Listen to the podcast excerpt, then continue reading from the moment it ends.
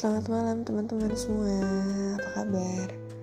Hari ini aku agak bindeng karena tadi kayaknya kena debu, terus aku alergian jadi bersin-bersin. Tapi tetap semangat untuk ngasih podcast malam ini. Um, topiknya cukup hits kayaknya ya untuk bulan Juni, bulan Juli adalah memilih sekolah di masa pandemik seperti ini buat ibu-ibu bapak-bapak pasti agak-agak bingung nih gimana ya? Dan apa yang menjadi standar atau ukuran dalam kita mencari sekolah? Dari TK, SD, SMP, SMA sepengalaman aku sebagai ibu dari dua orang anak so aku bakal berbagi cerita ke kalian di Rena beropini malam ini tentang tips atau tips dan trik? Jadi lebih ke cerita aja kenapa aku memilih sekolah yang sekarang ini ditempuh oleh putra putra putra aku. Oke okay, uh, eh, sebelumnya aku minta maaf karena nggak bisa nyebutin apa nama sekolahnya. Tapi kenapa aku memilih sekolah-sekolah ini? Itu ada empat hal sebenarnya. Yang pertama adalah aku memilih sekolah yang punya basic agama cukup.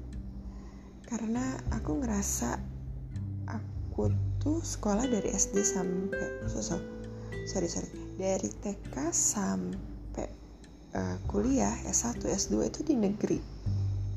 Dan aku ngerasa kayak pendidikan agama yang aku dapetin itu ya ya hanya so-so gitu gitu. Jadi hanya ya ya bisa sholat sih bisa ngaji dan lain-lain. Tapi nggak ada yang pendalaman secara banget gitu. Nggak nggak sampai hafal beberapa surat segala macam dan karena hal tersebut akhirnya aku memutuskan untuk anak-anak untuk dimasukkan ke sekolah yang memiliki basic agama yang cukup kuat agar mereka ke depannya bisa jauh lebih baik dari aku yang kedua adalah jarak tempuh.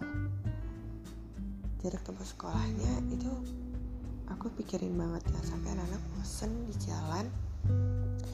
Sampai ini mereka yang tadi udah semangat nih bangun tidur mereka udah semangat sarapan. Eh tau mereka udah loyo sampai sekolah karena udah kejebak macet kelamaan di jalan dan lain-lain. Yang ketiga adalah kemampuan dari orang tua. Aku menyarankan untuk bijaknya kita memilih sekolah yang sesuai dengan kemampuan kantong kita dong pastinya. Dan yang keempat adalah memasukkan anak-anak dengan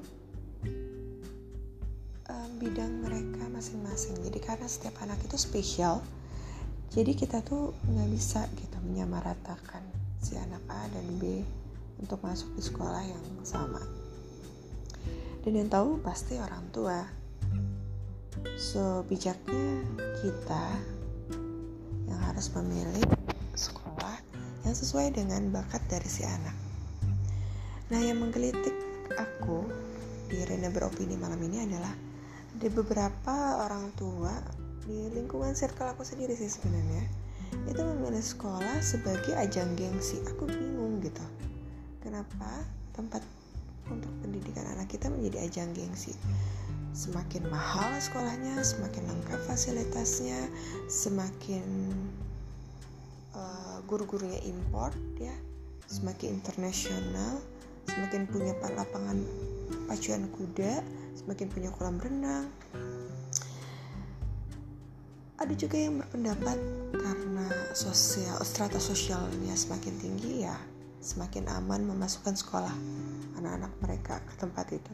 Aku jadi bingung gitu sebenarnya apa tujuan kita ya? Sebenarnya kalau kita mampu untuk bayar dan mau mengeluarkan uang lebih ya it's okay sih.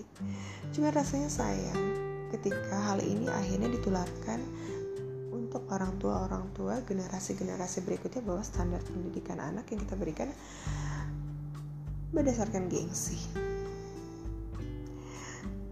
jadi kembali lagi ke kalian.